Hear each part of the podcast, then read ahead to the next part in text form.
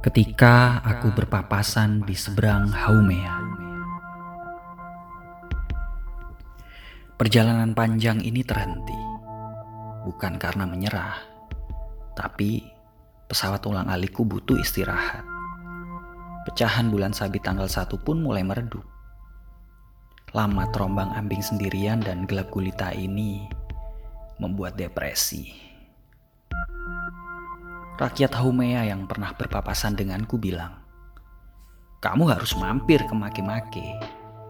Di sana menyediakan pengisi daya bulan sabit tanggal 1, juga bengkel khusus pesawat ulang alik retro, dan sejumput kebahagiaan sesaat.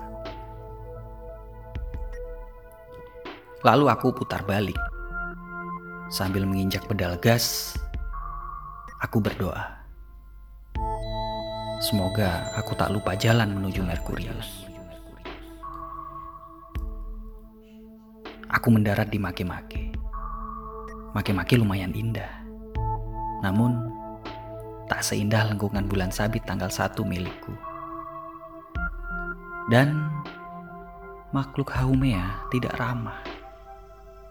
Mereka suka berbicara seadanya, dingin, dan langsung menusuk hati. Tapi, apa yang lebih menusuk hati dibandingkan dengan perjalanan panjangku yang sia-sia? Apa yang lebih menusuk hati dibandingkan dengan aku gagal mengutarakan maksud perjalanan panjangku? Apa yang lebih menusuk hati dibandingkan tak berhasil sampai ke daratan Merkurius? Ada. Nanti, bila Merkurius menolak pesawat ulang alikku mendarat. Dan aku berdoa lagi. Semoga itu tak terjadi. Meski mungkin bila terjadi, aku sudah siap mengibarkan bendera putih.